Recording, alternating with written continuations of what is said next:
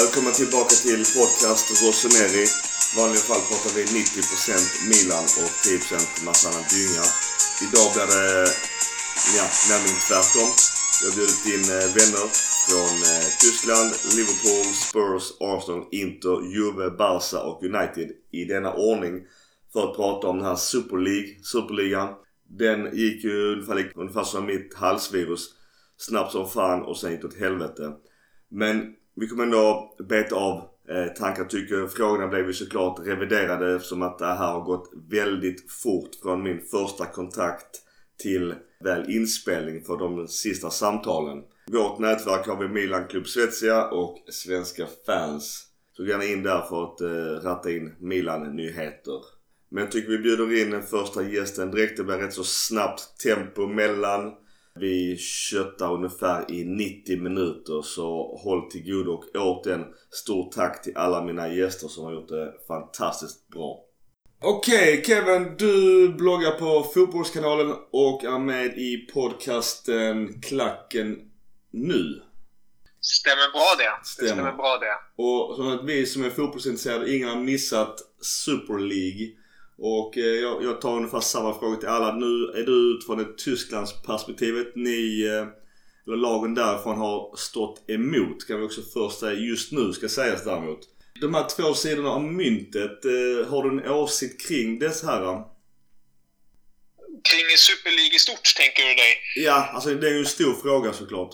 Nej, men alltså först och främst är jag emot denna sortens reformering eller vad man nu ska kalla det. Eh, det här är ju en eh, fotbollsrevolution utan dess like vi får uppleva i, i realtid som jag tycker är, är, är galen. Eh, det är som de sa, jag såg att Sky hade någon inside man och då frågar de är det här kalla kriget eller vad ska man kalla det här för någon form av krig? Och då sa han att det, det är som att man har släppt en atombomb eh, ner i fotbollsvärlden och det är väl precis det som har hänt. Allt känns upp och ner. Man vet inte riktigt vad som kommer ske. Det är två parter som eh, man ska vara tydlig med. Det är ju ingen som har helt rent mjöl i någon av påsarna. Så vi har Uefa och Fifa på ena sidan som har gjort sitt, men samtidigt har vi den här superligan som drar det till en helt ny nivå vart man eh, blir helt spyfärdig. I alla fall jag personligen. Jag mår illa för att jag vet inte riktigt vart man ska landa någonstans. Och man har väl inte landat ännu med tanke på att det, det händer just nu. Finns det någonting positivt i det bara för att få perspektiv på båda sidorna? Jag har försökt själv tänka lite i de där banorna. Det som jag, jag pratade med ett par kollegor här nyligen och det som man ser just nu händer till exempel i England. Boris Johnson är ju en, en, en, en politiker som vet hur man eh, kör populistisk politik, så att säga. Och han är ju väldigt tydlig med att han vill göra allt i sin makt för att de engelska klubbarna inte ska kunna medverka i Super League. Och om det betyder nu att, att de inte kan spela i sina respektive arenor på grund av tillstånd eller så, så tror jag att han skulle kunna köra igenom det. Och om man på något sätt ska se någon gnutta ljus där, är ju kanske så att de engelska lagen, de har ju genom de senaste åren, årtionden, sedan början på 2000-talet fått mer och mer ägare all respekt till ägarna. Alla ägarna är inte sådana. Men det finns några ägare som verkligen bara är ute efter business och en form av profit i det hela. Och det betyder ju i slutändan att det här är ingen hemlighet att man vill på något vis maximera sin sitt företagsamhet i det hela. Och företagsamheten i detta fall är då de här fotbollsklubbarna. Och då blir fotbollen sekundär. Och det är det som händer nu med den här Super League. De vill dra så mycket pengar som möjligt in i kassan. Men skulle Boris Johnson och eh, England, som nu är inte med i EU, så de kan ju göra lite mer vad de vill, enkelt sagt. Om de skulle lyckas med att säga, nej vet ni vad, ni får inte ha engelska ägare, eh, ni, ni får inte ha eh, sådana här ägare i era klubbar. Eller dra igenom någon form av superreform. Klubbar måste vara 51% eh, medlemsägda likt Bundesliga och Allsvenskan så skulle det ju vara för en fotbollsromantiker som mig fantastiskt. Nu är det ju väldigt långdraget men det är väl det jag hoppas om man ska försöka se något positivt i det hela kanske kan ske. Det är långt dit om det ens ska ske. Men just eh, till, till Tyskland då och lagen du följer där. Är det det enkla svaret att de är 51 vilket innebär att vi då fans på golvet är inte alls intresserade av det här toppskiktet som bara vill ha en kommers kring fotbollen som egentligen är grundat för oss på golvet från början? Ja, jag skulle väl säga att det är den stora eh, tyngden i det hela. Eh, all respekt till eh, Karl-Heinz Rummenigge, alltså ordförande i Bayern München och Watzke i, i Dortmund. Jag kan ju definitivt tänka mig att de blir lite, de vill inte erkänna det, men de blir självklart lite lockade av att på något sätt ingå i en, en liga där man kan få in mer cash.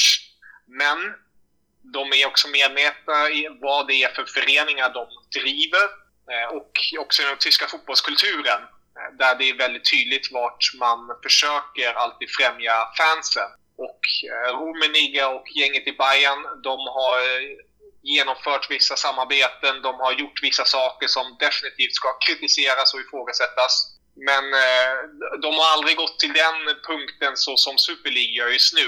De har haft någon form av, ska man kalla det balans? Eh, missförstå mig gärna inte fel. Alltså, jag, jag är medveten om att eh, Bayern också har gjort väldigt konstiga, konstiga grejer genom åren. Men just eh, den här biten, de har varit tydliga. Romani gick ut nu och sa att ja, vi har diskuterat en superliga de senaste tio åren. Men det har alltid kommit till den punkten att vi vill göra det inom ramen av Uefa och Fifa. Där man på något vis ska lyckas eh, hitta en så bra lösning som möjligt för samtliga parter. Och eh, jag hoppas väl på att det finns den godheten i den tyska fotbollen där. Och eh, jag har hört många kommentarer av olika klubb, eh, klubbsportchefer, tränare och sådant från Tyskland som verkligen ja, kastar skit bokstavligen på Super League. De tycker att det är förfärligt. Sportchefen i Gladbach senast, Max Ebel, sa att Eh, jag vet inte om det här ska vara en liga för klubbar som är rika eller som har stora skulder. Och det är någonting som till exempel Real Madrid och Barcelona har. De, de sitter verkligen i skiten med skulderna. Och det här är kanske en utväg för dem. Trots att de är på, på någon form medlemsägda. Det blir ju svårt utifrån ditt eh, perspektiv kring Tyskland. Men finns det en viss bitterhet i vissa klubbar som inte är med? Är det lättare då att slå på stora trumman? Eller hur tror du, dessutom dubbelfråga, resterande ligor som då tappar sina tre toppklubbar. Hur tror du intresset för den ligan och ekonomiskt sett kommer att påverka dem? Till den andra frågan först då. Jag skulle väl säga att det, det blir ju självklart ett tapp i första hand om det här nu genomförs. Det är som sagt så jäkla svårt på något vis eh, se det framför sig. Men vi säger nu att, att Super League genomförs på det här sättet som, det, som de vill.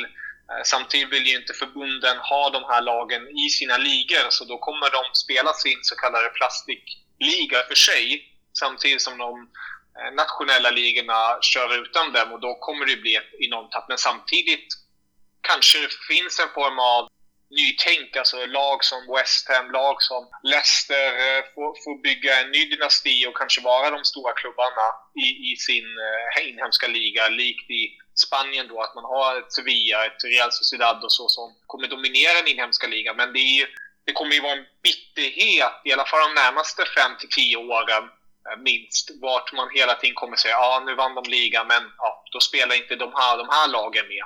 Man hör tydligt är ju att de här som ge, genomför Superligan, de, de gör det här långsiktigt. De har ju, man har ju hört citat av dem att de var medvetna om den här shitstormen, om man nu får kalla det så, skulle komma. Och därför har de också skrivit kontrakt med samtliga toppklubbar på 23 år. De ser igenom, ja nu får det vara ett par skitår, men sen kommer den här yngre generationen, tyvärr. Jag är inte en av dem. Jag gissar på att det är tioåringarna och sådant som som inte har uppvuxit på samma sätt som vi har gjort, om man nu får tala för oss båda, vart man ser fotbollen på vårt sätt. De, de vill kanske ha med den här fotbollen, kortare matcher eller de vill ha toppmötena efter toppmötena. Och då kommer ju Superligan om eh, ja, tio år vara en, en vardag på ett sätt. Finns det en viss bitterhet i vissa klubbar som inte är med? Är det lättare då att slå på stora trumman? Jag har inte sett eller hört något sånt. Jag tror mest att det finns en form av lättnad av många ändå. Sen umgås jag och är jag i en krets där man är lite mer fotbollsromantisk och väldigt nördig i det hela, då, då vill man ju helst inte att fotbollen ska tappa sina rötter. Jag kan tänka mig definitivt att det finns ute i världen en hel del som tänker fan, varför inte mitt lag i den där superliga? Men överlag tror jag ändå att det finns en form av lättnad att man inte är med där samtidigt som det finns en form av aggression att de genomför det här och förstör också för de andra klubbarna. För det är ju en näringskedja vi pratar om här. Ändå om Perez gick ut här, Real Madrids president, och sa att det här är för fotbollen och att vi kommer skänka pengar ner i ledet så, så känns det väldigt... Ja, jag vet inte. Jag har svårt att tro det på ett sätt. Det, det är ett haveri. på tal om de här fotbollsromantikerna och kanske äldre generationen. Jag spelar ju ofta just Schalke 04 i Championship Manager 01-02. De verkar lite vara på tapeten. Var, var bara kort. Är de ska man säga, riskzon eller aktuella för VIP-rummet eller inte? Jag har sett också lite grejer och så här, skämtsamheter med att ta vår klubb, vi behöver pengar. Jag har svårt att se att det sker. Jag har väldigt svårt att se att det sker. Eh, till exempel Schalke, som sagt, en av Tysklands största klubbar, medlemsägd. Eh, de har en enorm ekonomisk kris just nu. Jag, jag, kan inte se att de går med i en superliga och sen vad ska de göra i superligan där? De kommer ju, de kommer ju bli så överkörda som bara den. Jag tänker redan på lag som Arsenal och Tottenham, all respekt till dem. Men de kommer ju bli... De kommer ju få det så jäkla jobbigt i den här superligan. Ja, de kommer Milan också för den delen. Ja, och Milan också. Eh, definitivt. Alltså det är ju, det är ju all respekt till de här klubbarna som man pratar om är de är storklubbar, det är inget snack om saken. Milan har en fantastiskt fin historik. Arsenal har också gjort det väldigt bra. Spurs kanske inte lika många titlar som de här, men det här är klubbar som inte alls har levererat på den högsta nivån. Eh, om man bara ser till Champions League och Uefa de senaste åren. Eh, där vet du ju mycket bättre när, eh, när Milan spelade Champions League senast. Att då de ska spela mot Real Madrid och City och, och Liverpool eh, dag in och dag ut. Alltså, nej. Men det är pengastyrt som sagt. Det är det är bokstavligen pengastyrt. Eh, de, de är verkligen först och främst ute efter att få in en profit och därefter är fotboll det sekundära. Du Kevin, stort tack för klokord. De som hör detta och vill följa dig och kanske mer om Tysklands, var kan man, var, eller var hittar man dig eller vad heter du på Twitter? Ja, det är enklast att nå mig på Twitter som sagt. Då är det att Kevin Bade. Kevin med E bara. Och eh, sen får man jättegärna kika in på min eh, Tysklandsblogg på Fotbollskanalen där jag, jag skriver regelbundet om den fina tyska fotbollen eller om en Tyskland förknippad person. Ibland svävar man ju iväg också på andra håll. Du, stort tack för kloka ord så ja, vi hörs på Twitter helt enkelt. Det gör vi min vän. Sköt om dig. Tack så mycket, detsamma. Auf Wiedersehen. Auf Wiedersehen. Eine Maß.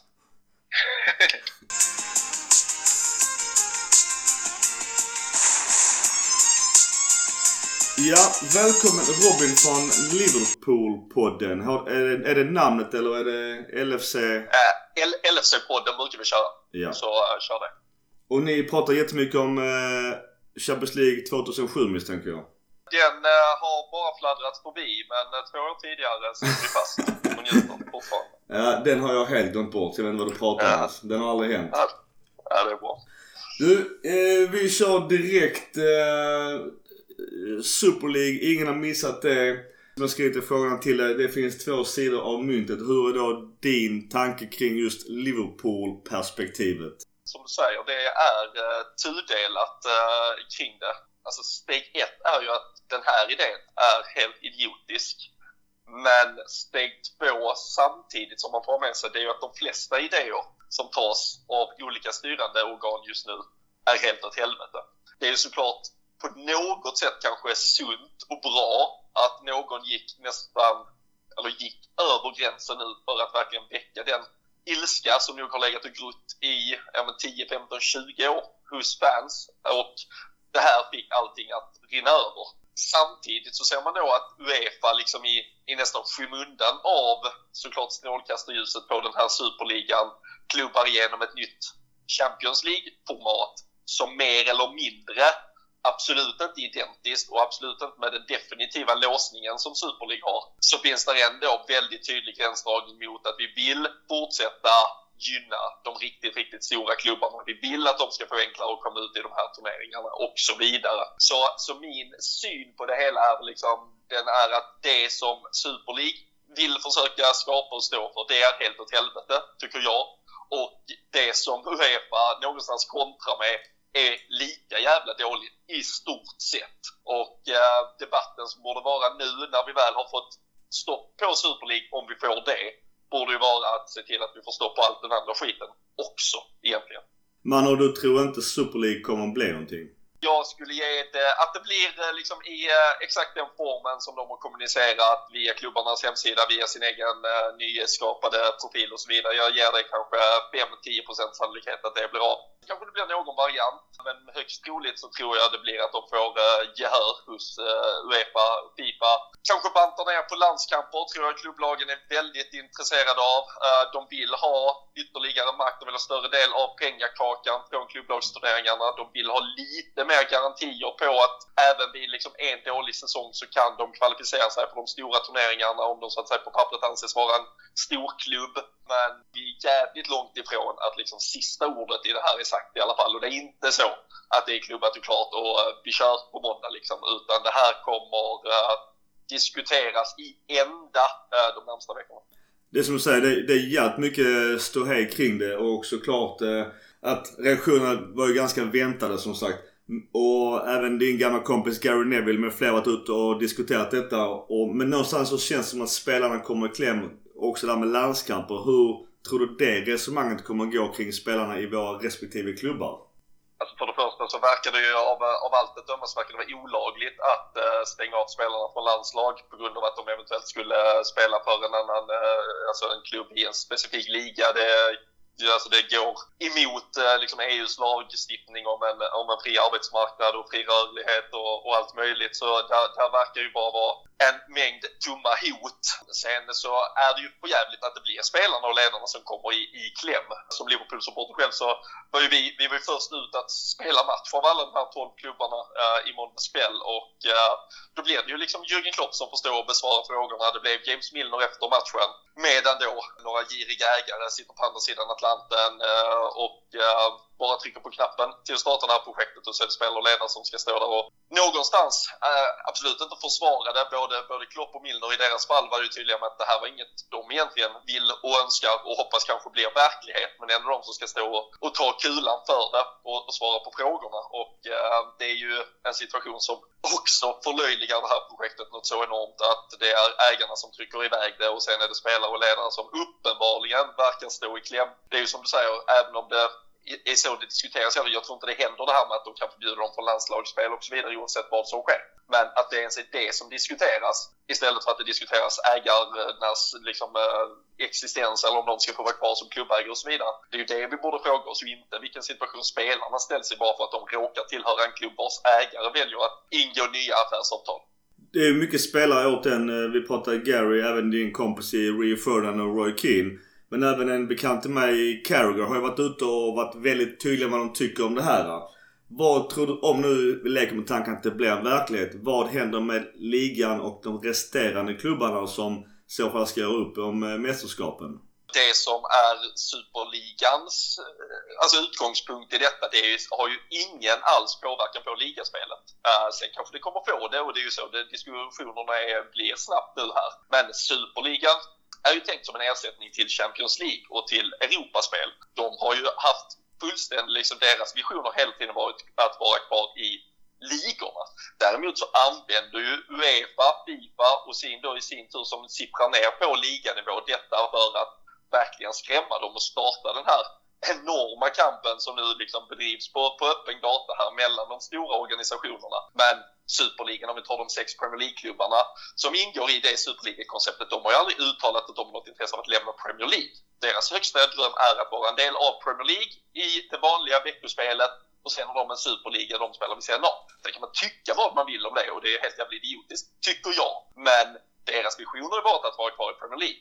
Sen kommer det aldrig hända heller att de lämnar Premier League. För vad skulle liksom lag som Sheffield United och Leeds och Premier League som styra? vad, vad tror de att de har sålt en TV-rättighet fram till 2028 där det är de här på pappret och med all respekt liksom mer mediokra lagen som ska göra upp och att det skulle ge dem samma pengar. Alltså alla förlorar på en situation där det kastas den här typen av sten mot varandra. Så återigen, därför tror jag att vi kommer till slut landa i ja, någon form av mellanting. Alla kommer, alla är beroende av varandra här. Alltså klubbarna, om vi säger de mindre klubbarna, är jätteberoende av de stora drakarna och behöver dem i det inhemska spelet. De vill att de ska komma till deras arenor och locka fans och fylla läktare. De vill liksom ha den, alltså den konkurrensen som det är i att ställas mot de här stora klubbarna och Premier League vet ju det. Det är också därför Alltså det är till och med på Boris Johnsons premiärministerns nivå nu att liksom säkerställa att man hittar ett sätt att behålla dem inom den engelska fotbollen. För annars kommer liksom hela pyramiden i England falla också. Så de kommer aldrig lämna den engelska fotbollen i alla fall. Det är jag rätt så säker på. Men just det är ju det som också gör det så jävla svårt för att alla är förlorare som du säger och eh, det kan komma till sin spets att Liverpool etc. bara antingen så får ni ha konceptet och välja bort eh, Super League som man, man kanske redan skrivit på. Jag vet inte exakt bakom kulisserna eller vice versa. Alltså det, det, det som du säger, båda sitter med SS känns det som i pokerspelet. Jag skulle säga att det eh, nog är eh, tyvärr som alltid så är det de stora klubbarna som sitter med den bästa handen, är jag rätt så säker på. Som du säger, de vill inte heller lämna sin Domestic League såklart. Jag tror inte det heller går att uh, genomföra rent lagstiftande. Alltså de har, de har sin plats, de har spelat sig till sin plats i den här så de kan inte bestämma att de inte får vara med. Så, så det, det tror jag inte heller kommer att ske. Det är därför som sagt, jag, jag, tror heller inte på idén i slutändan att den kommer att bli verklighet. Men jag tror att de kommer att få gehör för vissa krav där det finns en problematik de har sett väldigt länge. Där de tycker och det kan man ju tycka är helt jävla absurt, men de tycker ju de här stora klubbarna att de får för liten del av den ekonomiska kakan. De tycker att det är de som ser till att de här rättigheterna blir sålda. De tycker att det är de som ser till att Uefa har världens kanske då finaste klubblagsturnering. Det är inte Uefa på grund av hur de, eh, vilka, att de valde en bra Champions League-hymn eller för att de dunkar på med liksom mästerskapsfinaler i Baku eller något annat skit som bara en jävla massa fuffens de håller på med. Utan det är ju klubbarna som bygger den turneringen och klubbarna vill ha en större del av kakan. Idag går bara ungefär hälften av pengarna tillbaka till klubbarna och var fan tar resten vägen? Och det förstår jag att de ifrågasätter. Och det är det de vill säkerställa. att Det här är inte liksom ett krig mot klubbar på inhemsk nivå. Det här är liksom en stor, det här är en fight mellan de 12 stora klubbarna och Uefa. Och det är ju därför det inte heller är överraskande att ett lag som PSG som sitter i knät på Uefa och som i sin tur liksom har Qatar-pengar som snurrar via Fifa upp och ner i alla de jävla leden inte är med i detta just nu. De hade varit först att anmäla sig annars. Utan detta här är ett krig mellan de 12 klubbarna och Uefa och det är så jag tror vi i slutändan kommer att se lösningen på problemet är att de två på något sätt kommer överens om en bättre lösning framåt. Du, jag sticker emellan med en liten eh, mini-följdfråga som egentligen är skitstor kanske. Och, och, om du inte kan ta dem på uppstuds så får det passa. Mm. Det är ju det här med, tyvärr med den jävla politiken som vi tyvärr inte kan blunda för. Och just era lag då i UK. Ni är ju inte med i EU längre. Tror du att det spelar roll i den här processen och allt jävla ståhej kring besluten? Nej, inte vad jag kan tyda än så länge. Det, jag tror varken det gör, eh, gör förenklar det eller försvårar det. Av det lilla, lilla man har kunnat eh, läsa till av hur man liksom har gått tillväga rent eh, ja, i de beslutsfattande processerna. Däremot så kan man ju tycka det är väldigt ironiskt att en premiärminister som Boris Johnson som var den ledande personen bakom att genomföra en Brexit och få England att lämna ett solidariskt ansvar inom en europeisk union nu tycker att sex stycken fotbollsklubbar är giriga för att de delvis, eventuellt då enligt honom, lämnar ett solidariskt ansvar i en union som Premier League skulle vara eller som den inhemska fotbollen är. Men eh, att han har eh, ett par fel i huvudet har väl eh, de flesta vetat länge. Så. Men det är inget, jag tror inte det är något egentligen med, med Brexit och reglerna i sig som liksom har drivit fram detta utan det här har nog av allt att tyda legat och liksom puttrat ganska länge och säkerligen till och med ett årsskön långt innan Brexit aktualiserades just politiken och Uefa nu kanske man får censurera sig själv men deras gemensamma nämnare är väl just hyckleriet. Mm. Det är många som är ute och, eh, och bölar på sitt sätt. Men om nu det skulle bli en verklighet med någon form av Super League, kommer du eh, sluta följa ditt kära Liverpool? Absolut inte. Så mitt eh, Liverpool eh, handlar absolut inte om ägarna. Däremot så kommer jag för evigt att hoppas att de här ägarna lämnar klubben igen och att uh, man kan hitta en väg tillbaka.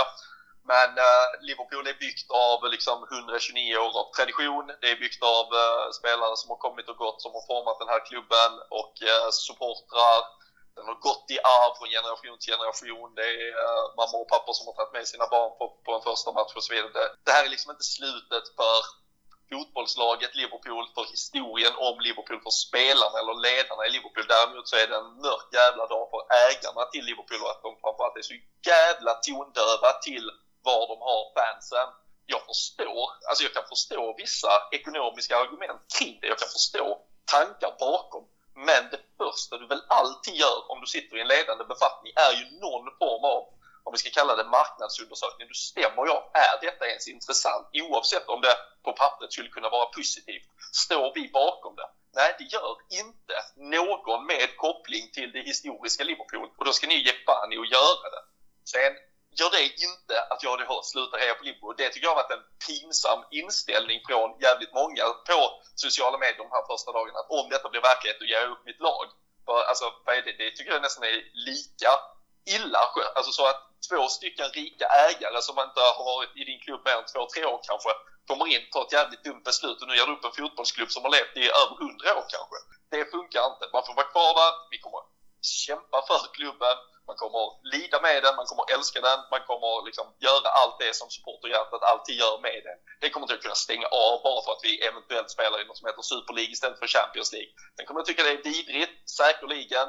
Jag kommer behöva förhålla mig till, vill jag just åka på den här typen av matcher? Var landar de här pengarna om jag gör detta eller detta som supporter och så vidare. Men äh, stanna som supporter, det, det, de blir tyvärr inte av med mig. Du som eh, Skåne-Robin, vilket allsvenskt lag eh, klappar hjärtat för? Inget alls. Jag hejar endast och enbart på Liverpool. Så jag kunde tyvärr inte bry mig mindre än vad som sker i Allsvenskan. Fair enough. Eh, Robin från LFC-podden. Eh, stort tack för kloka ord och eh, fortsätt göra er grej, det ni gör med er podcast. Du, tack själv. Ha det så fint. Tack så mycket Robin. Vi hörs. Tack, tack. Hej. Hej. Okej, välkommen Erik från Tottenham-podden eller inom eh, Twitternamnet podden Tottenham. Tack så mycket. En ära att få vara med i sådana här sammanhang. Ja men gött. Hur går det med poddande? Ja men det går bra tycker jag, även ifall det har varit... Eh, det har varit en jävligt stökig säsong för Tottenham på många sätt. Och eh, hela det här ja, corona-aspekten som alla vet om, behöver man inte ha någon större utläggning om. Men det har, jag tycker ändå att vi har eh, utvecklats som podd och jag tycker alltid att det är kul att podda. Sen har ju resultaten och eh, mycket annat kring klubben varit eh, mindre roligt. Så det har varit en rörig säsong på många sätt. Lite som Milan? det kan man lugnt säga. Det är lite liknande situation där känns det Ja men bara, bara kort innan vi drar igång. Mourinho, vad, vad säger du om honom? Var det, var det rätt gubbe från början? Det är min tanke också. Nej, jag var ju väldigt tydlig med det samma dag som han tillträdde. Att jag tyckte att det var en helt, en väldigt konstig rekrytering. Jag tycker framförallt inte att han stå för den fotbollen som jag tycker Tottenham ska stå för. Eh, det kändes också som en tränare som var eh, väldigt mycket på dekis, en väldigt omodern tränare eh, i både hur man hanterar sin trupp och även liksom själva spelfilosofin. Och det är lätt att säga nu, men man fick ju rätt i den förutsägelsen. Så nu sitter vi där med en vi köpte ut han nu för 15 miljoner pund tror jag. Så det blev en dyr affär för klubben utan titlar och utan andra större framgångar. Så det blev en pannkaka alltihopa. Det kunde jag sagt till klubbägarna innan detta hände. Ja, precis. Nej, jag ska inte vara oskön. Eh, men du, vi drar igång frågorna. Alltså jag vet ju själv, jag, Mourinho och hans bussfotboll är ingenting jag heller står för. Och innan kunde alltid försvara sig med att ja, jag har vunnit si så mycket. Okej, okay, fine och fair. Men när du inte vinner ett skit, då ska du hålla käften också. Ja, jag håller med. I alla fall Super League, ingen har missat detta. Eh, Tottenham, likt som många andra topplag, är med med stor fanbase. Såklart Londonlag, Premier League, Sky-pengar. Eh, två sidor av myntet. Eh, vad, vad, vad vill du säga om Super League och utifrån ditt Tottenham-perspektiv? Framförallt, det är klart att det finns två sidor av myntet, men i min bok finns bara en sida av det här myntet och det är liksom en, en, negativ sida av det myntet. Men om man ska se det lite mer objektivt och lägga bort den här känslomässiga och moraliska aspekten så är det klart att det är ju en otroligt ekonomiskt fördelaktig eh, affär och ett avtal som de här klubbarna har skrivit på. Jag vet inte, alla klubbar som är med här i början får väl en bonus på ungefär 4 miljarder kronor tror jag.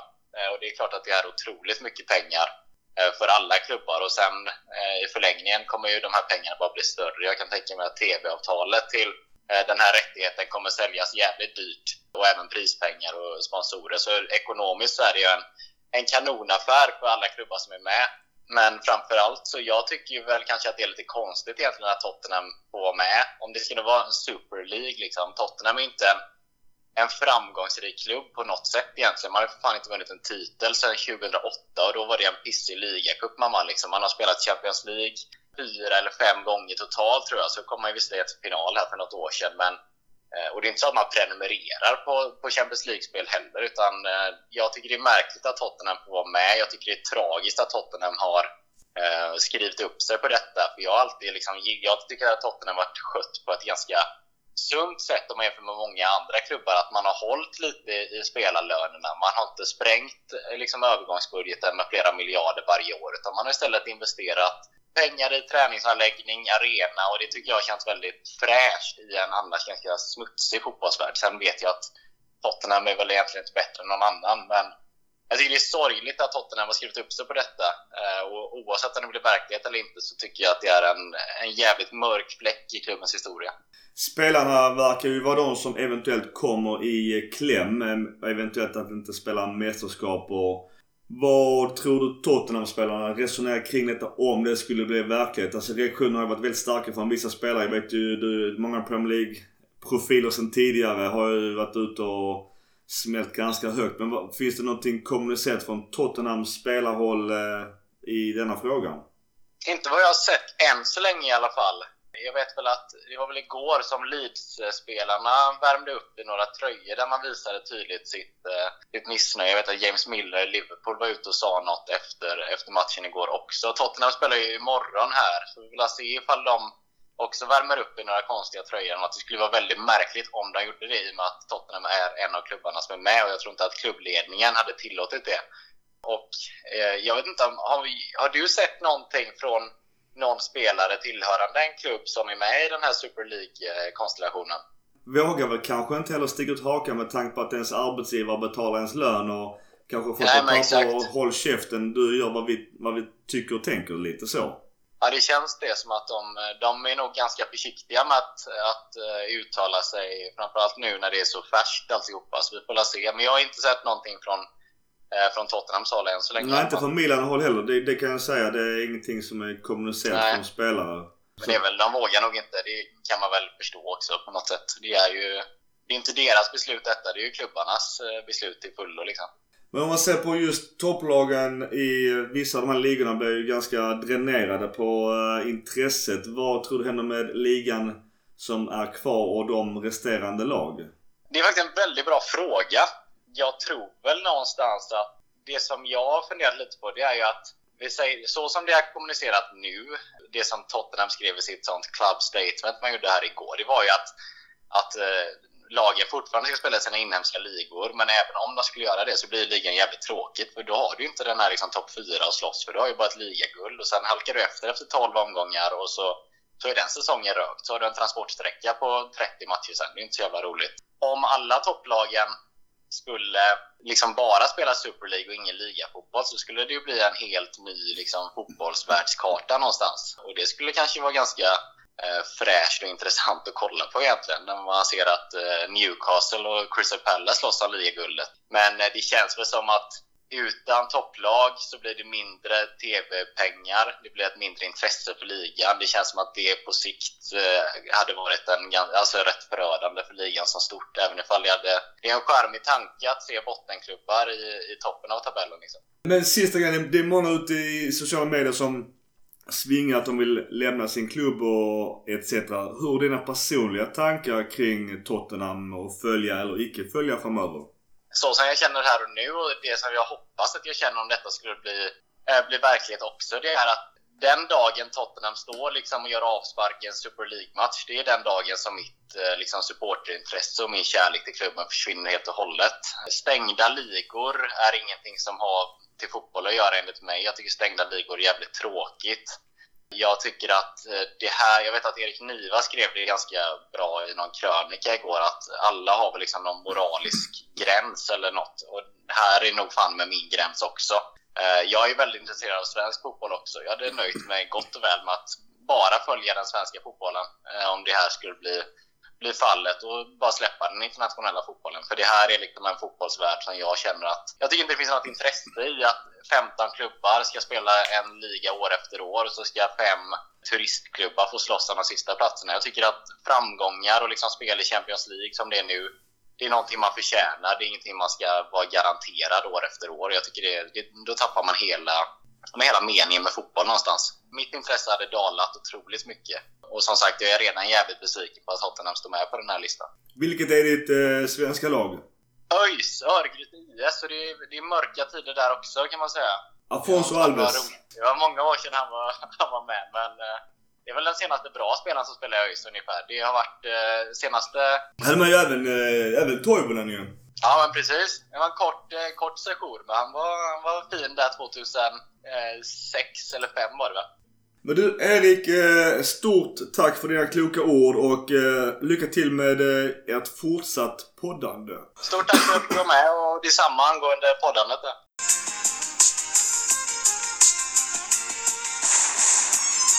Då har vi Elvis, världens tyngsta namn, skribent också på Svenska fans och Arsenal. Väl- Ja, precis. Välkommen Elvis. Tusen tack, kul att vara här. Du, det finns risk att jag kommer att nämna ditt namn eh, varje gång jag säger någonting för det är så jävla coolt namn. Ja, passa på nu när du har chansen. Ja, verkligen, verkligen. Ja. Men i- i alla fall, du supportar Arsenal. Ni är också då involverade i Super League. Ingen har missat detta. De här två sidorna av myntet på Super League. Hur tänker du att din klubb har resonerat kring detta? Alltså, om man ska vara cynisk så förstår jag givetvis beslutet ur ägarnas perspektiv.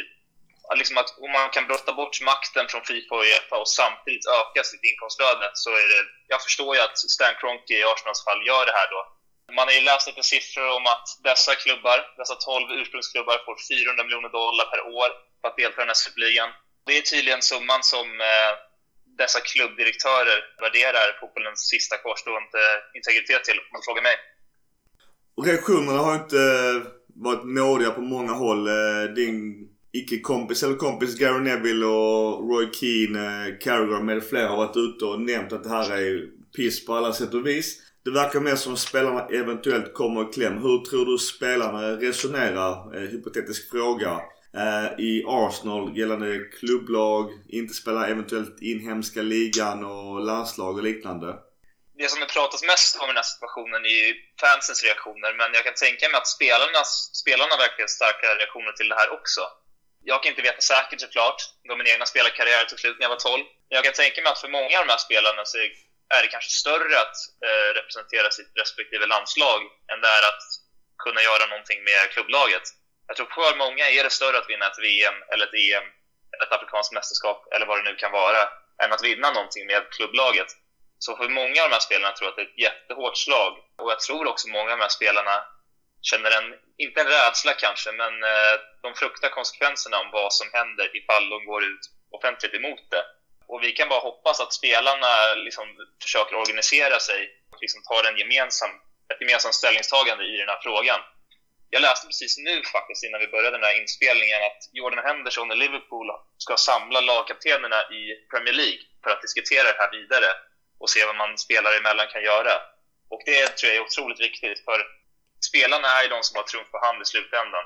Utan internationella superspelare så blir det inte heller någon eh, internationell superliga. Så det ska bli oerhört spännande att se hur eh, spelarna går ut, antingen emot eller för det här.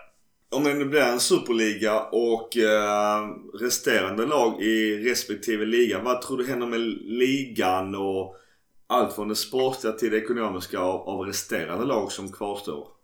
Det är också en väldigt stor fråga, men eh, jag tror personligen att det aldrig kommer gå så långt som det har föreslagits att kasta ut, i Englands fall, då, de här Big Six-lagen ur ligasystemet.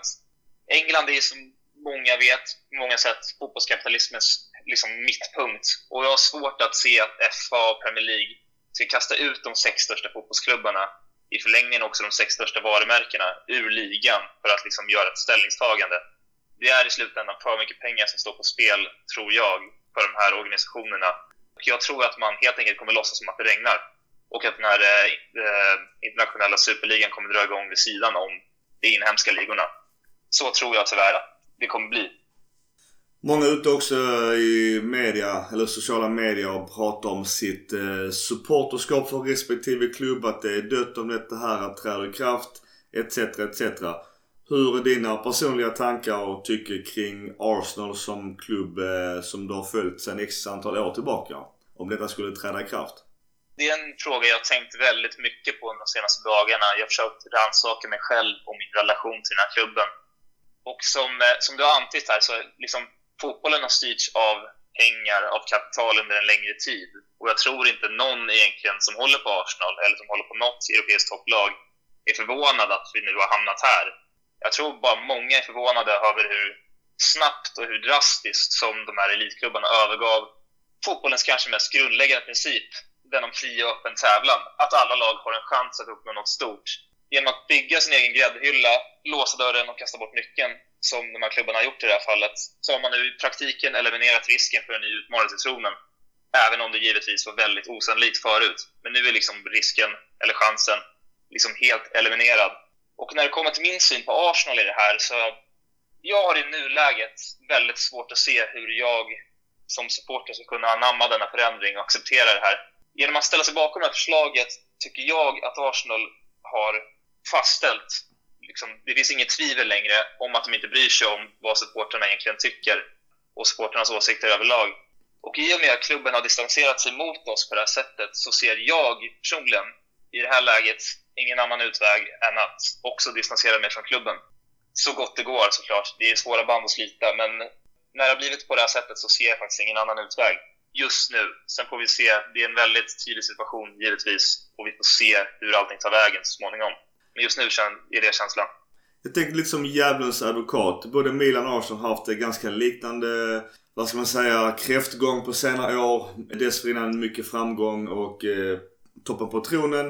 Finns det någon aspekt i att det är mycket mer lockande för våra klubbar att, att bli inbjudna lite gratis i finrummet att spela mot Barcelona och Madrid än att gå och härva mot eh, Southampton, eh, möta Spezia etc. etc. Ja, alltså jag förstår den synpunkten såklart. Och jag, jag klandrar väl egentligen ingen som tycker att det är spännande att det förmodligen kommer bli mer pengar. Det kommer förmodligen bli bättre fotboll, ett bättre fotbollslag. Men jag har väldigt svårt att acceptera den här grejen att vi åker liksom en jävla snålskjuts in i den europeiska fotbollen bara för att Arsenal är en stor klubb och ett stort varumärke. Eller vi klarar i nuläget inte av att kvalificera oss till Europa genom sportsliga meriter. Och då, det blir bara väldigt svårt att svälja att vi då på grund av någon slags på grund av någon liksom rättighet som vi som storklubb ska ha, ska ta en Europaplats och liksom på en del i det här finrummet. Eller vad man nu ska kalla det. Så jag har lite svårt att svälja det personligen. Den grejen har jag väldigt svårt att se förbi. Men samtidigt, jag klandrar väl egentligen ingen supporter som kanske ser fram emot större sportsliga framgångar. Det klandrar jag inte någon för. Men jag har personligen svårt att, eh, att kunna göra det utbytet. Fair enough. Elvis, stort tack för eh, dina jättekloka ord. Hoppas att Arsenal någonstans kommer tillbaka till finrummet oavsett vad. Att vi kanske möter Champions League eh, framöver. Och uh, använd ditt namn väl. Ja, tusen tack för att jag fick vara med och jag önskar detsamma för Milan. Jag hoppas bara inte det blir på det här sättet. Tack så, så mycket. Den dagen vi vill ha tillbaks Ivan Gazidis så säg till. ja, det samtalet får ni nog vänta på alltså. Jag misstänker det. Ha det fett Elvis. Ja, detsamma. Ha Samma. det bra. Ciao. Ciao, ciao.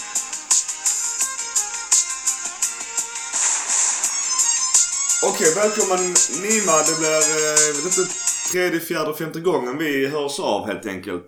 Ja, men precis. Det är alltid lika trevligt. Du äh, rattar ju på Sempre Inter. Jag höll på att säga Milan, men Sempre Inter. ja, Sempre Inter äh, kör jag och startade den. Och det är väl nio, tio år sedan nu. Och så Italian Football Podcast och så gör jag lite grejer på äh, Fotboll Italia och, och Forza Italian Fotboll och annat.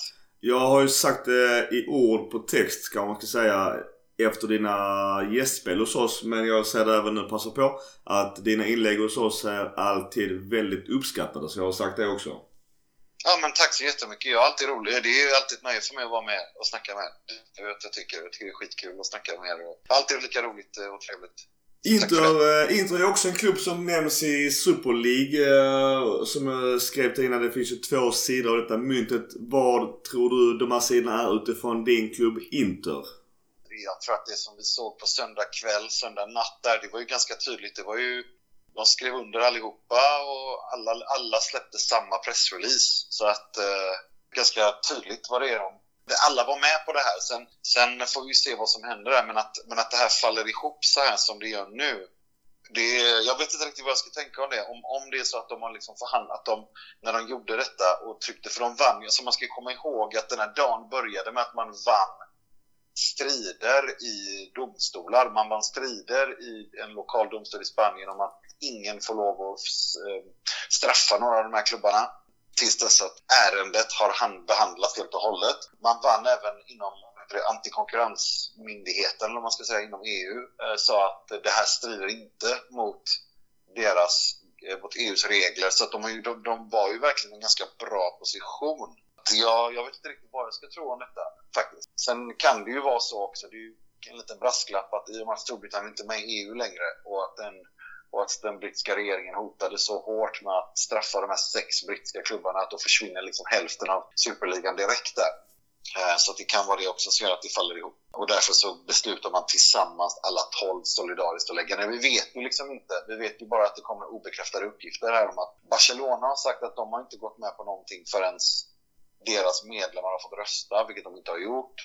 Vi vet att Atletico Madrid håller på att läcka till alla som vill lyssna att de funderar på att lämna också. Det är fruktansvärt sinnigt. De, de klarar inte ens att hålla sams i 48 timmar. Det är helt otroligt. Men varför tror du Inter hoppade på detta tåget? Vi ska komma ihåg en sak. Detta, det här var bara bra för Inter, Milan, Juve, Barca, Real och eh, Atletico Madrid. Det är inte lika bra för Premier League-klubbarna. De, de, är redan, de har det redan rätt bra eh, ekonomiskt. Men att Milan och Inter hoppar på detta och Juve och Real och Barca det, och Atletico Madrid, det förvånar mig inte det minsta faktiskt. På grund av eh, ekonomin då menar du? Ja, men alltså, det går, alltså hela TV, alltså jämför TV-avtalen de emellan. Jämför intäktsmöjligheterna dem emellan. Alltså, de italienska klubbarna är så långt i efterkäl på efterkälken så det finns inte. Det är inget snack om att det här gynnade de italienska klubbarna. Till slutändan så tittar väl britterna på det väldigt krasst och säger att de här, vi, vi, vi är redan rätt rika. Uh, Speciellt då City och Chelsea som det går rätt bra för. Liverpool och... Alltså Glazers var jävligt kåta för det här. United och, och Tottenham det, och, och Arsenal. Det var liksom ingen... Det vet vi ju. Det har vi ju sett på grund av alla pressreleaser från Krönke och Glazers och, och Levi och alla de här. De var jätte på detta. De som inte var lika sugna var ju City och Chelsea. Och det verkar som att man har det är därifrån det här har kommit. Vi vet, vi vet ju liksom ingenting bekräftat ännu. Men när vi spelar in detta klockan är halv nio och det är liksom breaking news hela tiden. Men om, om vi spekulerar att det blir av och vad, vad, vad, tror du de här spelarna som eventuellt kommer i kläm, om de ens får komma i kläm, det vill säga inte spela landskamper och, i de här lagen? Vad, vad, det, där, det där hade aldrig hållit. Det, där, det är inte det det handlar om. Det har ingenting med det att göra. Det här är någonting annat. Det, vad det beror på vet vi inte ännu. Om man säger resterande lag i respektive liga och vad tror du händer med dem och själva ligan i sig om de här toppklubbarna lyfts ur och inte får spela ligaspel? Det, kommer inte, det, det går inte det heller. För som sagt, en domstol blockade Uefas möjligheter att göra detta idag. Det är liksom... Så det är egentligen bara tomma hot från Uefa just nu då? Nej men det var inte tomma hot. De fick inte, de får inte lov att göra det. Det, det, det, det, alltså domstol, det var därför jag menar att det gick bra för de här klubbarna fram tills någonting, alltså det är därför jag blir så här de vann varenda juridisk strid fram tills dess att de har bestämt att lägga ner. Sen varför de har bestämt att lägga ner, har de fått eftergifter? Ja, det vet vi ju först ikväll. Men att, att det gick bra för dem, det vet vi ju. Alltså när domstolarna gick ut och sa att ingen får lov att bestraffa någon. Att eh, den här superligan inte strider mot EUs eh, antikonkurrenslagar. Alltså allting har gått deras väg. Så i principen så kan de spela inhemsk fotboll Eh, även europeisk cupfotboll plus en superliga. Det är ju det vi inte vet. Alltså vi vet ju inte vad som har hänt här. Men eh, de här förbuden som de har hotat med, de stämmer inte. För då, då sätter ju Uefa sig själv i en eh, mycket tuffare sits rent eh, Exakt. förhandlingsläget. Men, men det är som sagt, det, det är ju väldigt mäktiga klubbar och klubbägare med extremt mycket pengar redan som det är. Och man pratar den moderna fotbollen. Det här är väl ytterligare en nivå av den moderna fotbollen, eller hur ser du på det? De som startade i Premier League och Champions League, de satte kursen. Alltså det här har varit... Första gången jag hörde om en europeisk superliga var 20-30 år sedan när Beckenbauer pratade om det. Och sen har, sen har Rummenigge varit för det. Sen har alltså Hönes varit för det. Alltså det här är Bayerns gubbar, de som idag sa nej. För att de kan inte rent juridiskt för 51%-regeln som de har i Tyskland. Det här har varit på gång under en längre tid. Det har varit på gång i 30 år. Det kommer ske förr eller senare. Nu får vi vänta om de har, de har fått några eftergifter från Uefa. För, för det är också en sån där grej. Får de, får de mer pengar och mer chanser att garantera sin trygghet eh, att vara med i Champions League. Vi ska ju komma ihåg att, en, att Uefa, att det gick ju rykten om att Uefa har, liksom, har, har sökt externa finansiärer för att höja värdet som motdrag till detta för att höja liksom, prispotten till 7 miljarder euro. Som för hos dem var det 4,6 miljarder euro. Alltså vi vet ju ingenting just nu så det blir omöjligt att spekulera i detta. Men det, så som det låter för mig så känns det som att det är väldigt konstigt att man lägger ner när man vinner en massa juridiska strider och är på väg. Det tyder ju snarare mer på att man har fått eftergifter. Men återigen, det är ju bara spekulation. Vi vet ingenting om det just nu. Eh, Spekulera, nu blir jag att eh, bull fråga bara så på uppstuds. Men vi säger att Super League läggs ner och vi säger just våra klubbar Milan, Inter och Juventus då skulle kvalificera sig till eh, nästkommande Champions League istället. Tror du det finns någon chans att Uefa kan ändå i nästkommande säsong straffa dem? Eller det ligger på bordet rakt nej. av? Nej, nej, nej. Det, de vill inte ha krig. Det här har skrämt dem. Det här har varit ett allvarligt... Så här långt har det aldrig gått innan. Innan har det varit tomt prat. Nu, det här gick ju långt. De har, en, de har släppt liksom pressmeddelanden. De har liksom vunnit, lagt in, eh, de har vunnit strider i domstolar. Alltså det här var på riktigt. Någonting har hänt under dagen som från alltså de senaste timmarna. Från det att de liksom firar den ena triumfen efter den andra till att de väljer att lägga ner. Om det nu är sant att de väljer att lägga ner. Jag måste säga att det varit ganska tyst kring de italienska lagen. Jag vet att Agnelli var ute och sa att vad är det alla bölar om? Så här har det egentligen varit i 80 år. Att storklubbarna tar alla pengar och att de kan vinna titlarna. Så det är egentligen inget ja. nytt menar han på. Lite oskönt sagt kanske. Nej men det stämmer Alltså vad han säger är så här. Alltså, han tittar på det väldigt nyktert på det sättet om man får lov att uttrycka det uttrycket. Det, det låter som, väldigt ond, som en väldigt ond sätt att se på det. Men han har faktiskt rätt i det han säger. Så här har fotbollen alltid fungerat. De senaste 80 åren har de här tre lagen dominerat och vunnit allt och haft mest pengar och så vidare och så vidare. På grund av dem. Alltså så här har det alltid fungerat. Skillnaden är den nu att den här pandemin har på, skyndat på en kris och eh, skyndat på liksom, behovet av att de ska kontrollera sina varumärken och sin, sina intäktsströmmar mycket hårdare. Men du Nima, om det skulle bli en superliga, många är ute och beklagar sig. Hur skulle ditt supporterskap till Inter se ut framöver på grund av det här? Då? Det påverkas inte någonting av det här för jag får inte moralpanik. Jag tittar nyktert på situationer och ser på det här att det här har varit på gång i 30-40 år. Det här med att supporterskap skulle handla om och liksom meritokrati. Idrotten handlar inte om meritokrati. Ekonomisk doping. Vi har två stater i Europa som, som, som via ekonomisk doping dopar upp City och PSG. Innan dess gjorde gjorde de italienska klubbarna det med Berlusconi och Moratti. Alltså det, här, det, det, är liksom, så här har det alltid varit. Jag, jag påverkas inte särskilt nämnvärd av det här för att jag, har inte några, jag får inte moralpanik. Jag ser på saker ur ett lite längre perspektiv och så ser man någonstans att så här har det alltid varit. Vi, vi, vi kommer bara hamna där förr eller senare på ett eller annat sätt. Sen om Uefa är inblandad eller om klubbarna själva styr... Det är, alltså för mig är det sådär, det, är lite, det, det kvittar lite grann. Om du förstår vad jag menar. Det är, liksom, det är inget nytt den här resan vi, vi har varit på, den här vägen vi har varit på, att den leder hit. Det har alltid varit så. Sen, sen har jag åsikt om det, absolut. Jag föredrar inte det, för jag vill inte ha det så. Men att, men att jag skulle jag, att få moralpanik på sociala medier och säga att fotbollen är död på grund av att, eller som Man City-fans lägger upp banderoller på att Man City-fans mot pengar i fotboll. Det, alltså det, blir, det är så parodiskt. Så att jag vet inte riktigt vad jag ska ta vägen av skratt. Det känns någonstans som att eh, helt plötsligt har någon lyft på stenen och ser vad som händer under stenen fast det egentligen alltid fungerat så här fast i en annan Exakt. konstellation. Exakt! Exakt! Det här handlar om makt. Alltså när mäktiga, rika, korrupta människor slåss så har inte jag särskilt sugen på att välja sida. Utan jag poppar popcorn och tittar på och skrattar istället. Jag kan inte bli emotionellt upphetsad åt något håll om vi säger så. Jag önskar ju att det inte skulle vara så här överhuvudtaget men det är inte så det kommer bli man får, det finns en verklighet att förhålla sig till också. Och den verkligheten säger väldigt tydligt att, att det här är vart vi är på väg. Sen vilken form det tar och om Uefa är inblandat, om Uefa inte är inblandat, vem som är inblandad, alltså allt det här. Det vet jag inte, men att det, någonting kommer bli av det, det, det, det är alldeles uppenbart. Alltså, Uefas förslag som de släppte, det är ju en total anpassning till det här. för att eh, stoppa det här, för att hindra det här det här med utökade lag och det skulle vara en schweizisk variant och lagen ska kunna liksom kvala sig in igen och, och så vidare och så vidare och så vidare.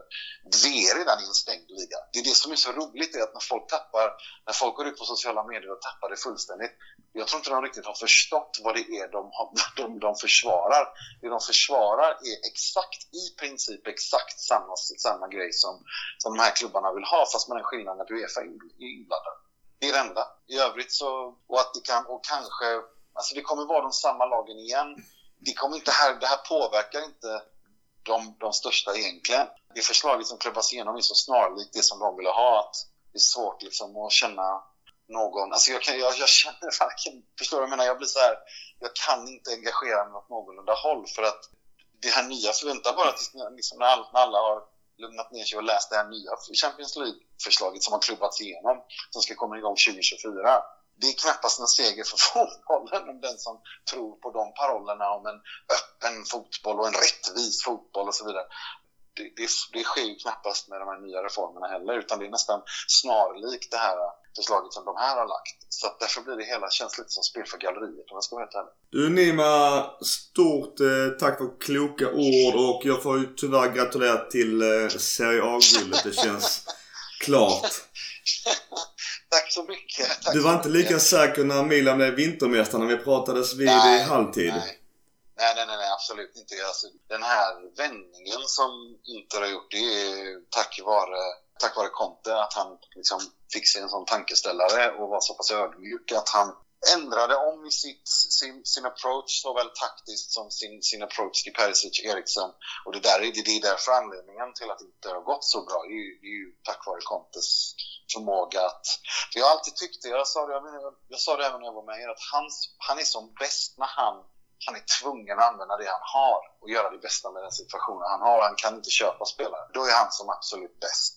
Och eh, det har han visat ännu en gång. För att den här fotbollen som vi inte spelar nu, det är en otroligt modern och expansiv och ganska intressant fotboll som egentligen om man kan sin Antonio Conte-historia så här han har velat spela hela sin karriär. Men han började ju spela en 4-2-4. Sen ändrade han lite till 3-5-2. Sen dess har han alltid velat anfalla i 4-2-4 men, men dess försvar i 3-5-2. Han har aldrig lyckats med det i Juventus, Chelsea. Som närmast kom han italienska landslaget. Nu har han ett gäng Inter som faktiskt spelar exakt enligt den modellen och har fått det spelsystemet sitta på ett sätt som det aldrig skett tidigare i hans karriär och därför går den som en slottemaskin. Det är väldigt intressant att se. Uh, vi, får se vad, vi får se vad som händer nästa säsong. Men vi får ju se hur den här skiten, skitstormen som vi varit med om de senaste två dagarna, hur den landar. Men uh, alltså herregud, 2020, 2021 alltså. Det, ja, det, det, är inte mycket om inte, alltså det är underhållande är det i alla fall. Det är inte tråkigt. Ja, definitivt inte. Nima, stort tack så vi hörs som vanligt helt enkelt. Ja, det gör vi. Ta hand om er. Detsamma du, vi hörs. Så hörs vi. Ciao.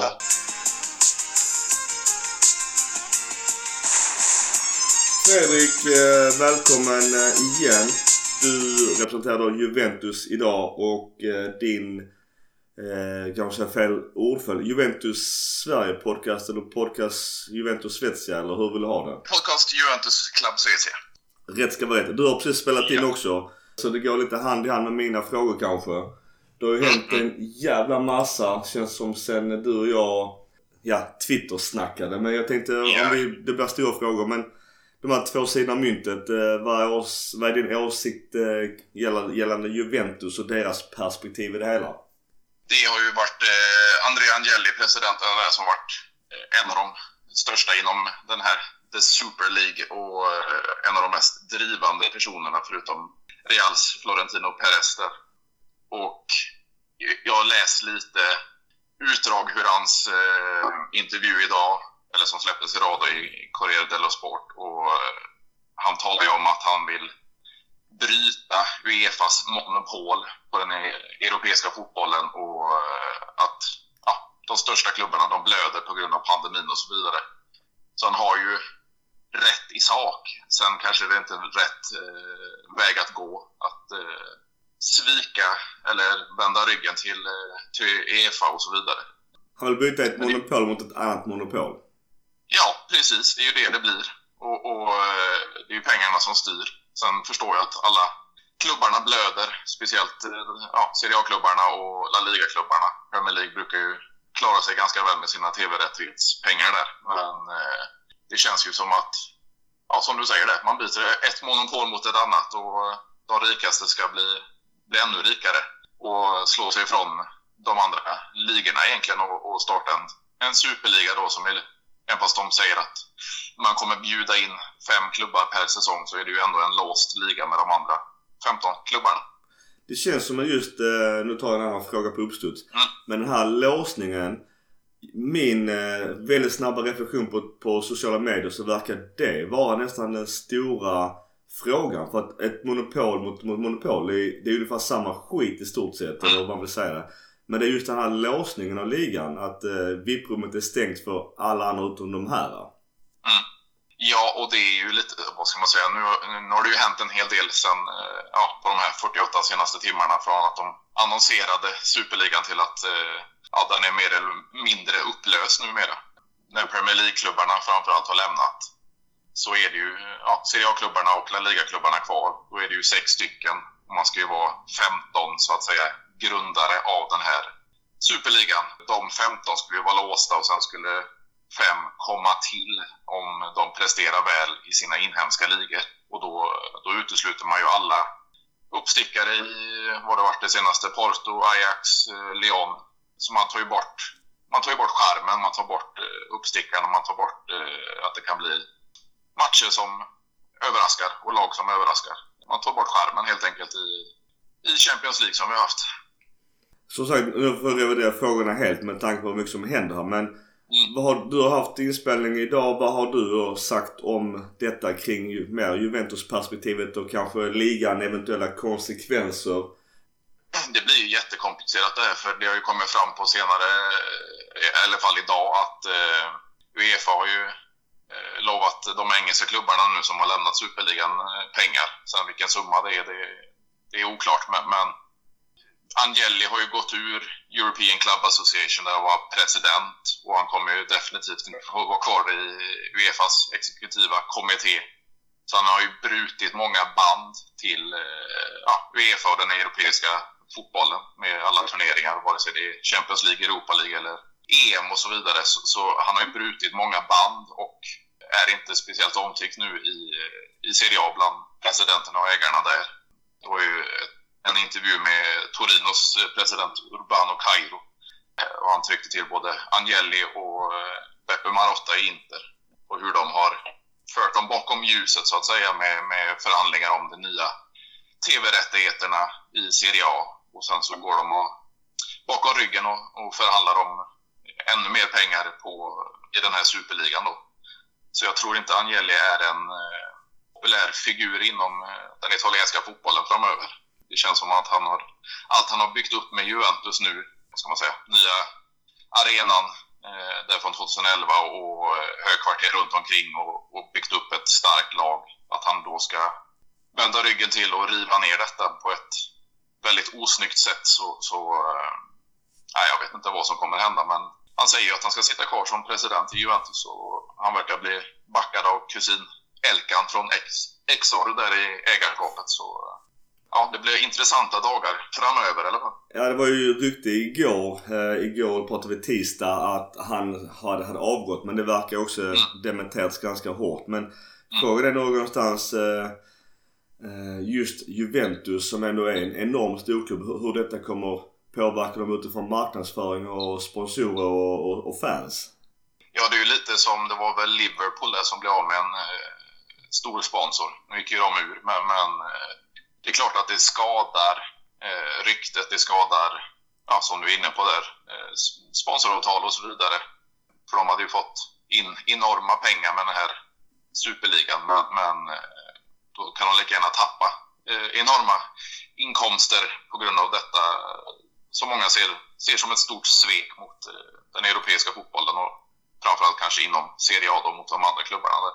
Och det är ju lite så här med, med, med Inter också, de har ju ett Eh, ganska skört eh, ägarskap under Suning där. De vill ju i alla fall sälja eh, majoriteten och, och få in en, en stark, stark kapital och stark ägare som kan styra skutan vidare. Och ni i Milan har ju era ekonomiska bekymmer och så vidare. Så, så det kommer ju slå hårt mot just de här, den här randiga eh, trion i Italien. Jag tror de är inte speciellt populära varken inom Italien eller ute i Europa. Det som också gör mig lite förvånad det är med tanke på den här enorma Alltså de här enorma klubbarna som ändå är med eller skulle varit med i Super League. Och att eh, hela slott, det här luftslottet, att det bara raserar på mindre än 48 timmar i stort sett. Nu är det inte officiellt från, eh, från de italienska klubbarna vad de tänkte göra men som du själv säger, det, det faller på sin egen eh, orimlighet att vara kvar sex lag. Men med tanke på kapitalet och kompetensen att hur det kan falla så hårt. Det gör mig lite förvånad. Ja, och det känns ju inte som det här. Det var som jag pratade med i, i, i dagens podd, min egen där, att på le, eller det är på ledningsnivå, det är uppe i styrelsen, men det verkar ju inte vara så förankrat i, i ja, tränarstab, eh, spelare och så vidare i någon av de här 12 klubbarna som skulle gå med i, i Superligan. Tränare har ju talat, ja, Klopp och Guardiola och så vidare, de talar ju ganska illa om den här Superligan när det annonserades och, och eh, det känns som allting är uppe på, på ledningsnivå och de har eh, inte förankrat i, i klubbarna i övrigt. Så det, nej, det är jävligt eh, udda gjort det här. Själva, ja, hela idén, hela projektet är jävligt underligt. Nu blir det ju en hypotetisk fråga men eh, det är många som menar på att de skulle tycka si så om sitt lag om de skulle gå med i den här Super League. Hur har du dina känslor eller följe supporterskap till Juventus förändrats om de har gått med i Super League? Nej, alltså ett supporterskap eh, sitter ju kvar. Alltså jag, jag har hållit på i Juventus sedan jag var ja, 6-7 år. Och, och eh, en sån här grej. Det är ju lite samma sak som eh, om man varit, ja det kanske inte var så många som var Manchester City-supportrar innan. De blev stenrika, men, men det fanns ju sådana också. Och samma med PSG och så vidare, de här, och Chelsea då. Eh, så kallade köpeklubbarna. Att man förändrar sin syn när det blir ett, ska man säga, tvivelaktigt ägarskap jag kände inte att jag skulle ja, lämna Juventus för, för den här saken, även fast de hade nu gått med i en superliga. Men ja, det tar emot rent moraliskt att eh, hålla på en klubb som ja, under Angelis styre nu det senaste då bara tänker på pengarna och eh, skiter i allt annat känns som. Det är ju fortfarande flera omgångar kvar i vårt Serie A. Båda lagen ligger ju Ja, vad ska man säga? Vi är topp fyra fortfarande men det är ju alltid jävligt ovisst i den här ligan vilket är jävligt charmigt i sig. Men tror du att de här äh, lagen då inte, inte verkar klara tyvärr. Men både Juventus och Milan då som krigar om Champions League-platserna. Kommer vi påverkas tror du äh, åt en spekulation utifrån äh, det som har hänt kring det här ståhejet som är negativt? Nej, jag tror inte det, eh, vad ska man säga, går ut över spelarna på samma sätt. Det är väl klart att de är ju med i... De läser ju nyheter och, och de har ju även fått eh, pratat med Angeli där och han har förklarat hur projektet ska gå till och så vidare. Han sa ju själv att eh, vad spelarna hade frågat när det drar igång så det var väl ingen större diskussion från spelarnas håll. Men jag tror att eh, ja, spelarna de tänker på, på de avslutande omgångarna att man ska minst ta en topp 4-plats. Och jag, jag tror inte de blir så berörda av just den här frågan. Fredrik, stort tack eh, för kloka svar och gött snack som vanligt och eh, kör hårt med din Juventus-podcast på svenska. Den enda svenska podcasten på, som Juventus har. Absolut, det tackar vi stort för. Så vi, vi hörs på Twitter eh, etc. som vanligt. Det gör vi vet du. Ha det gott Fredrik. Samma. Ciao. Ja, ciao.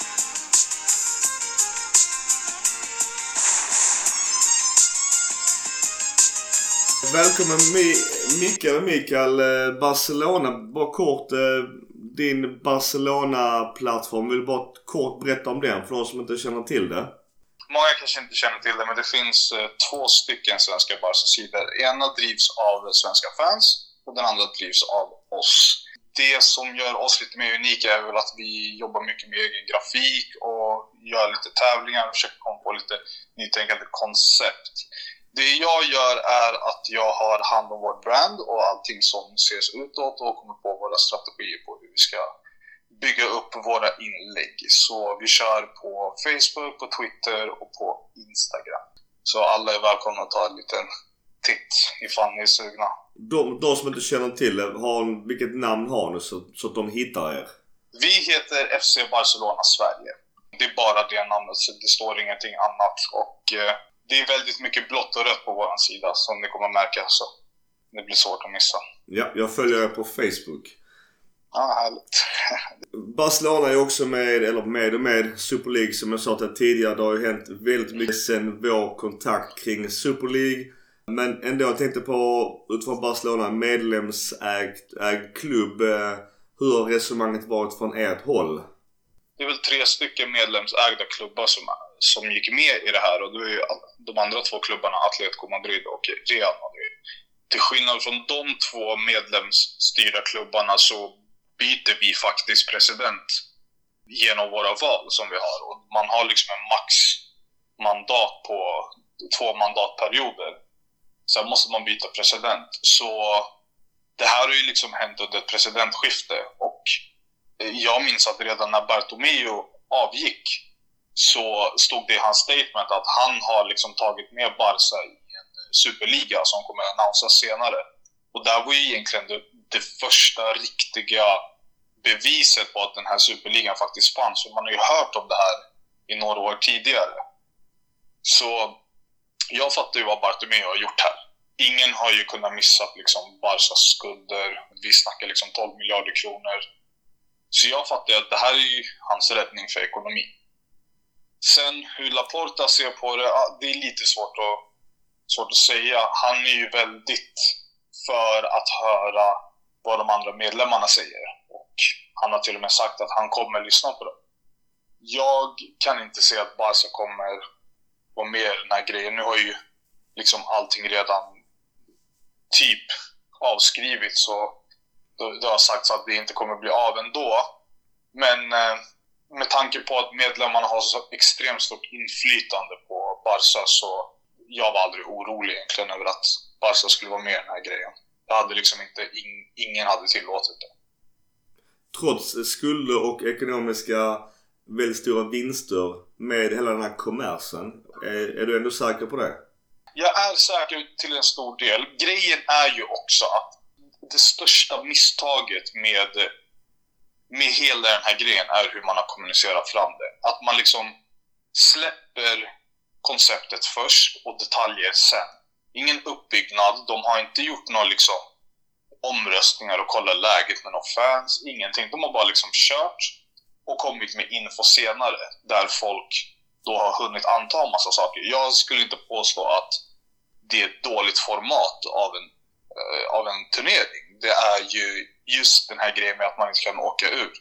Och det är lite där många fotbollsfans liksom delar på sig att ja, det finns en gräns på liksom när sporten faktiskt dör och mer blir underhållning än något annat. Och ja, alltså jag som fotbollsfan, jag har ju alltid tyckt att den amerikanska modellen är dålig och den är bara i syfte för pengar. Och nu blir, blir det inte ens lika bra som det för att de har ju sitt draftsystem från alla universitet och college. Liksom. De har ju ändå byggt upp det på att alla kan ta sig till NBA, NFL, NHL. Nu blir det ju liksom bara baserat på marknadsvärde och pengar. Och jag tycker inte att Barca ska spela i en sån turnering om de inte har förtjänat det.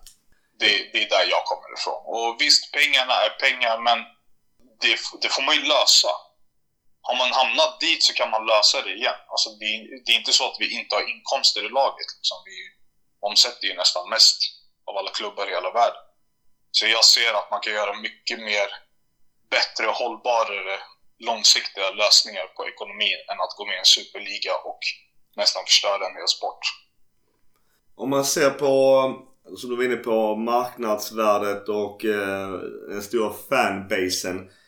Du får stuva med frågorna här på uppstuds. Men hur, hur skadat tror du vår, våra respektive varumärken är och vad tror du klubbarna kan göra för att någonstans försöka kompensera eller komma tillbaka på uppstuds? Just eh, när det gäller Barca så tror jag att vi har, har det ändå enklast av alla. Med tanke på att det var vår tidigare president som tog det här beslutet. Visst, Laporta skrev på eh, att var med, var en del av statement som eh, släpptes, men det betyder ju ingenting. Det verkar som att det inte var bindande så som Florentino Perez eh, påstod. Så jag tror att för Barca så kommer det inte vara så jättetufft alltså.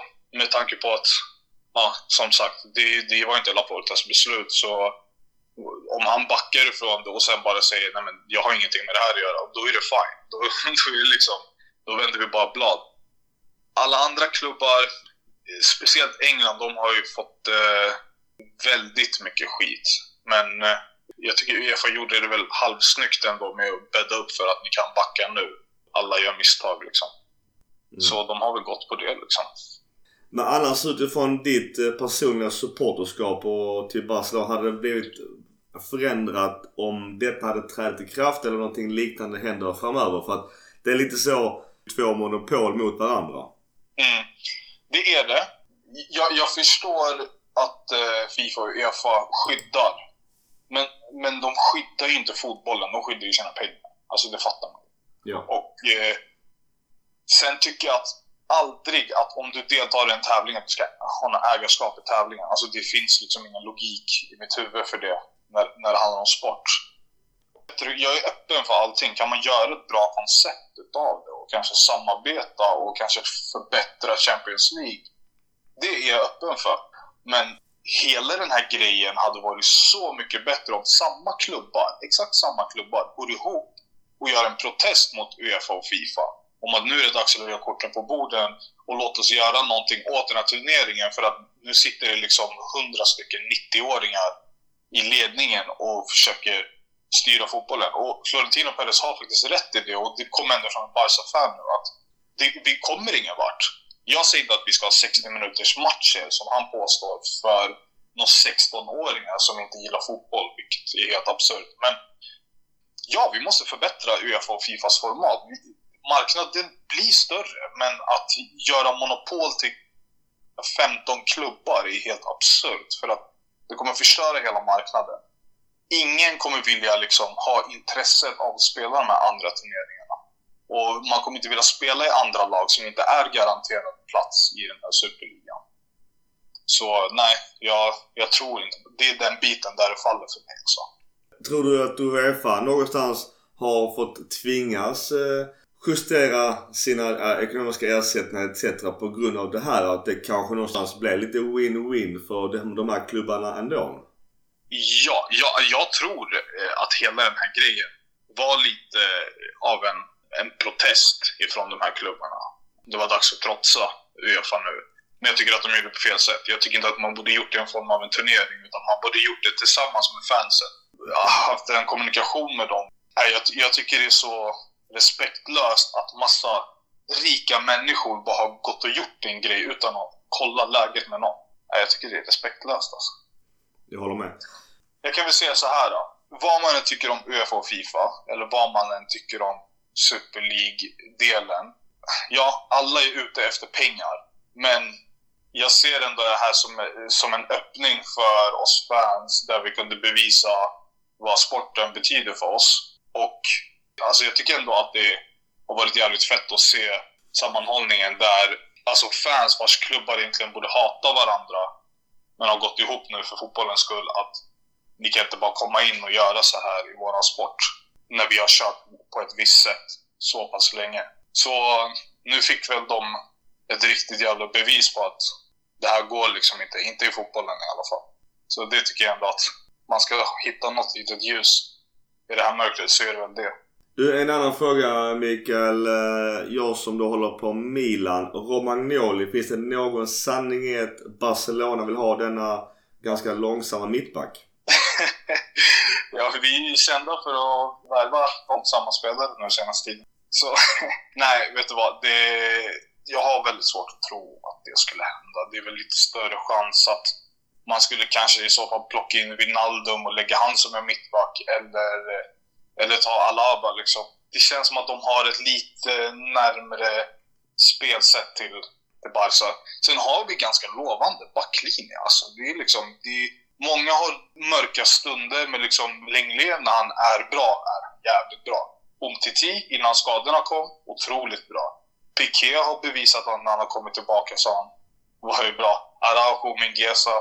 Alltså vi har ju liksom, så man ska inte ha panik. Jag tror inte vi kommer signa på någon Romagnoli i alla fall. Nej, för att annars så kan vi byta honom mot Messi om du är sugen på det. Ja, ja, absolut. Ja, ja, det, det kan vi lösa.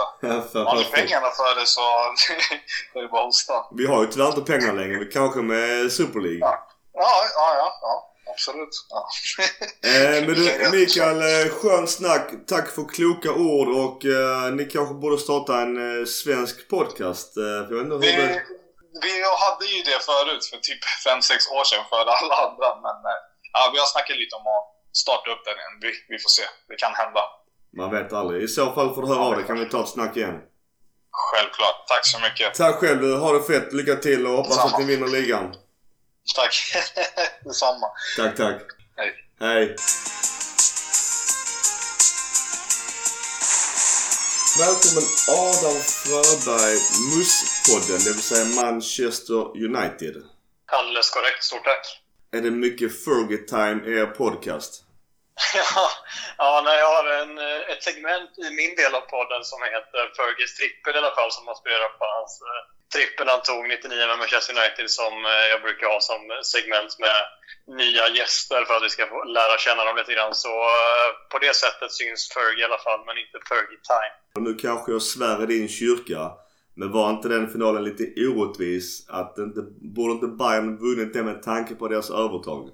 Kan man säkerligen tycka, men fotbollen eh, är ju inte alltid riktigt rättvis heller. Jag eh, ska säga, jag är ju så pass ung att jag var ju bara, jag vet inte, om jag knappt kunde gå vid när den matchen var så.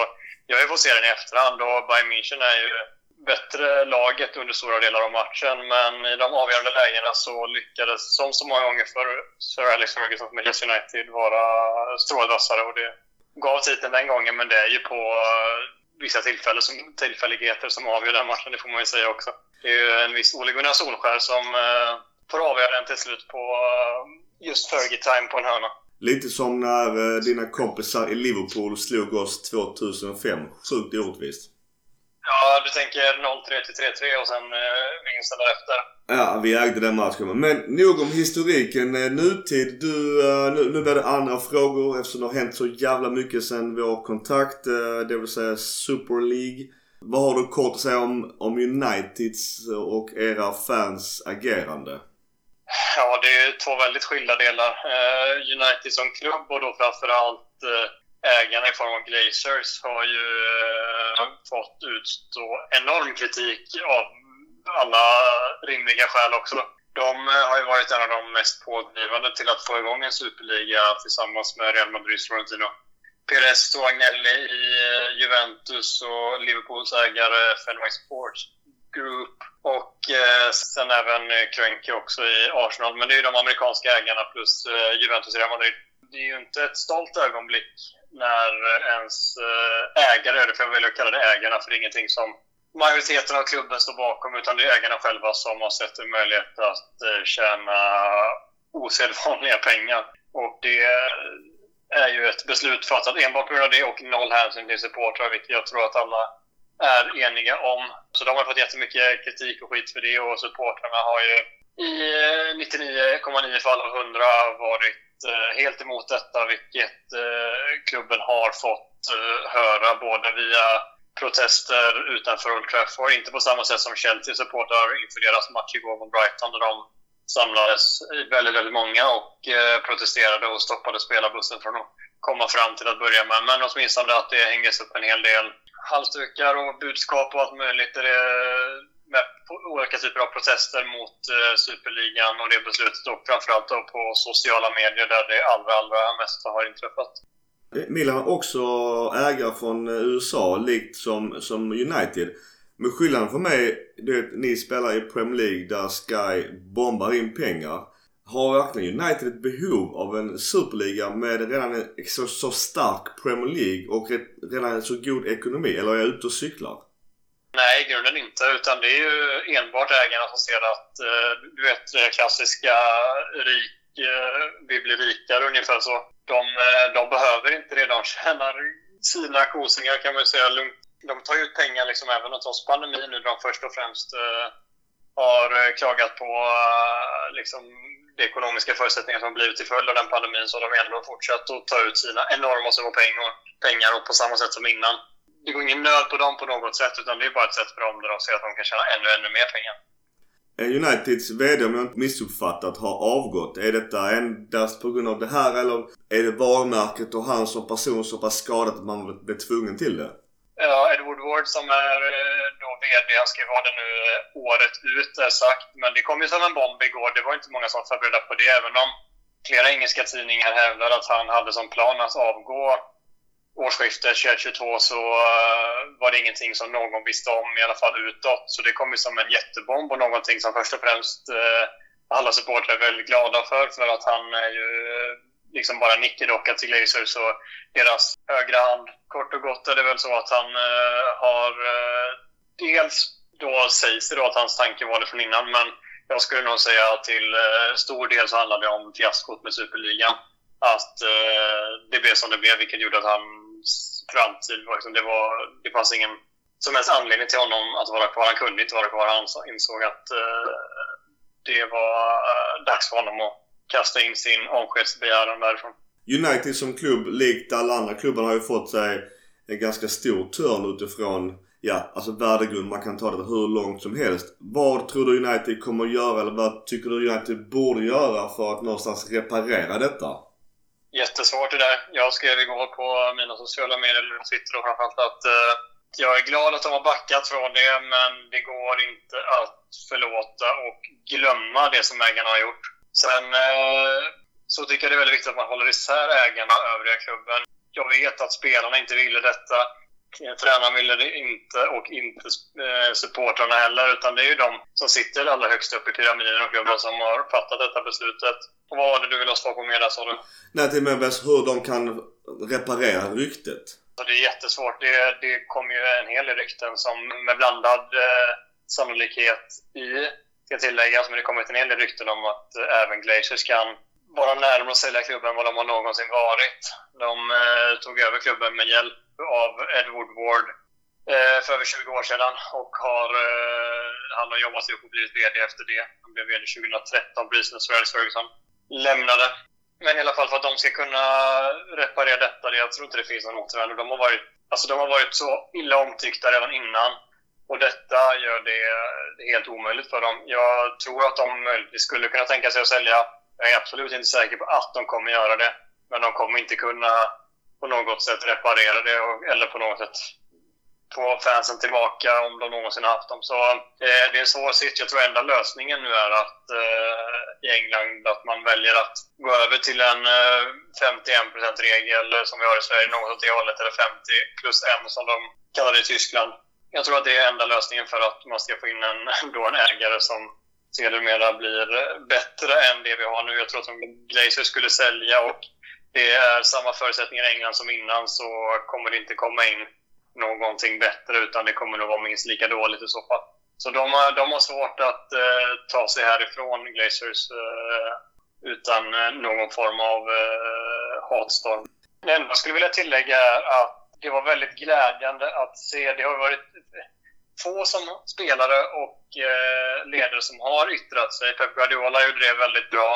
Men i Manchester Uniteds eh, fall så var det Marcus Rashford som var var först ut egentligen med ett, eh, ett ganska tydligt budskap. Bruno Fernandes la ut en Instagram-story där han eh, skrev typ “Dreams can't be by” som han skrev på sin, med sin halvdåliga grammatik. Men eh, vi alla förstår vad han menar. Och sen så kom Marcus Rashford igår och la ut en bild på, eh, från arenan där United tidigare har haft med så här stora texter nu under eh, pandemin och inte var någon publik.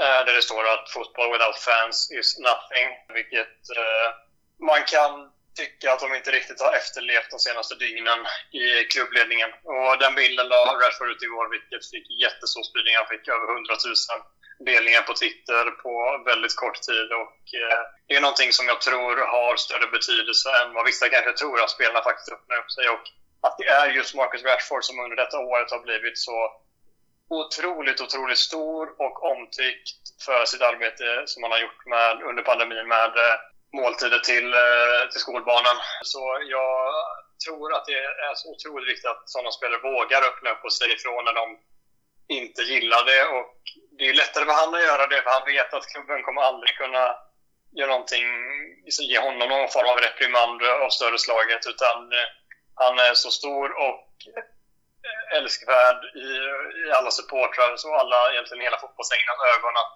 om han yttrar sig så kommer många lyssna på honom, men också att uh, det är svårt att uh, slå ner honom därifrån också.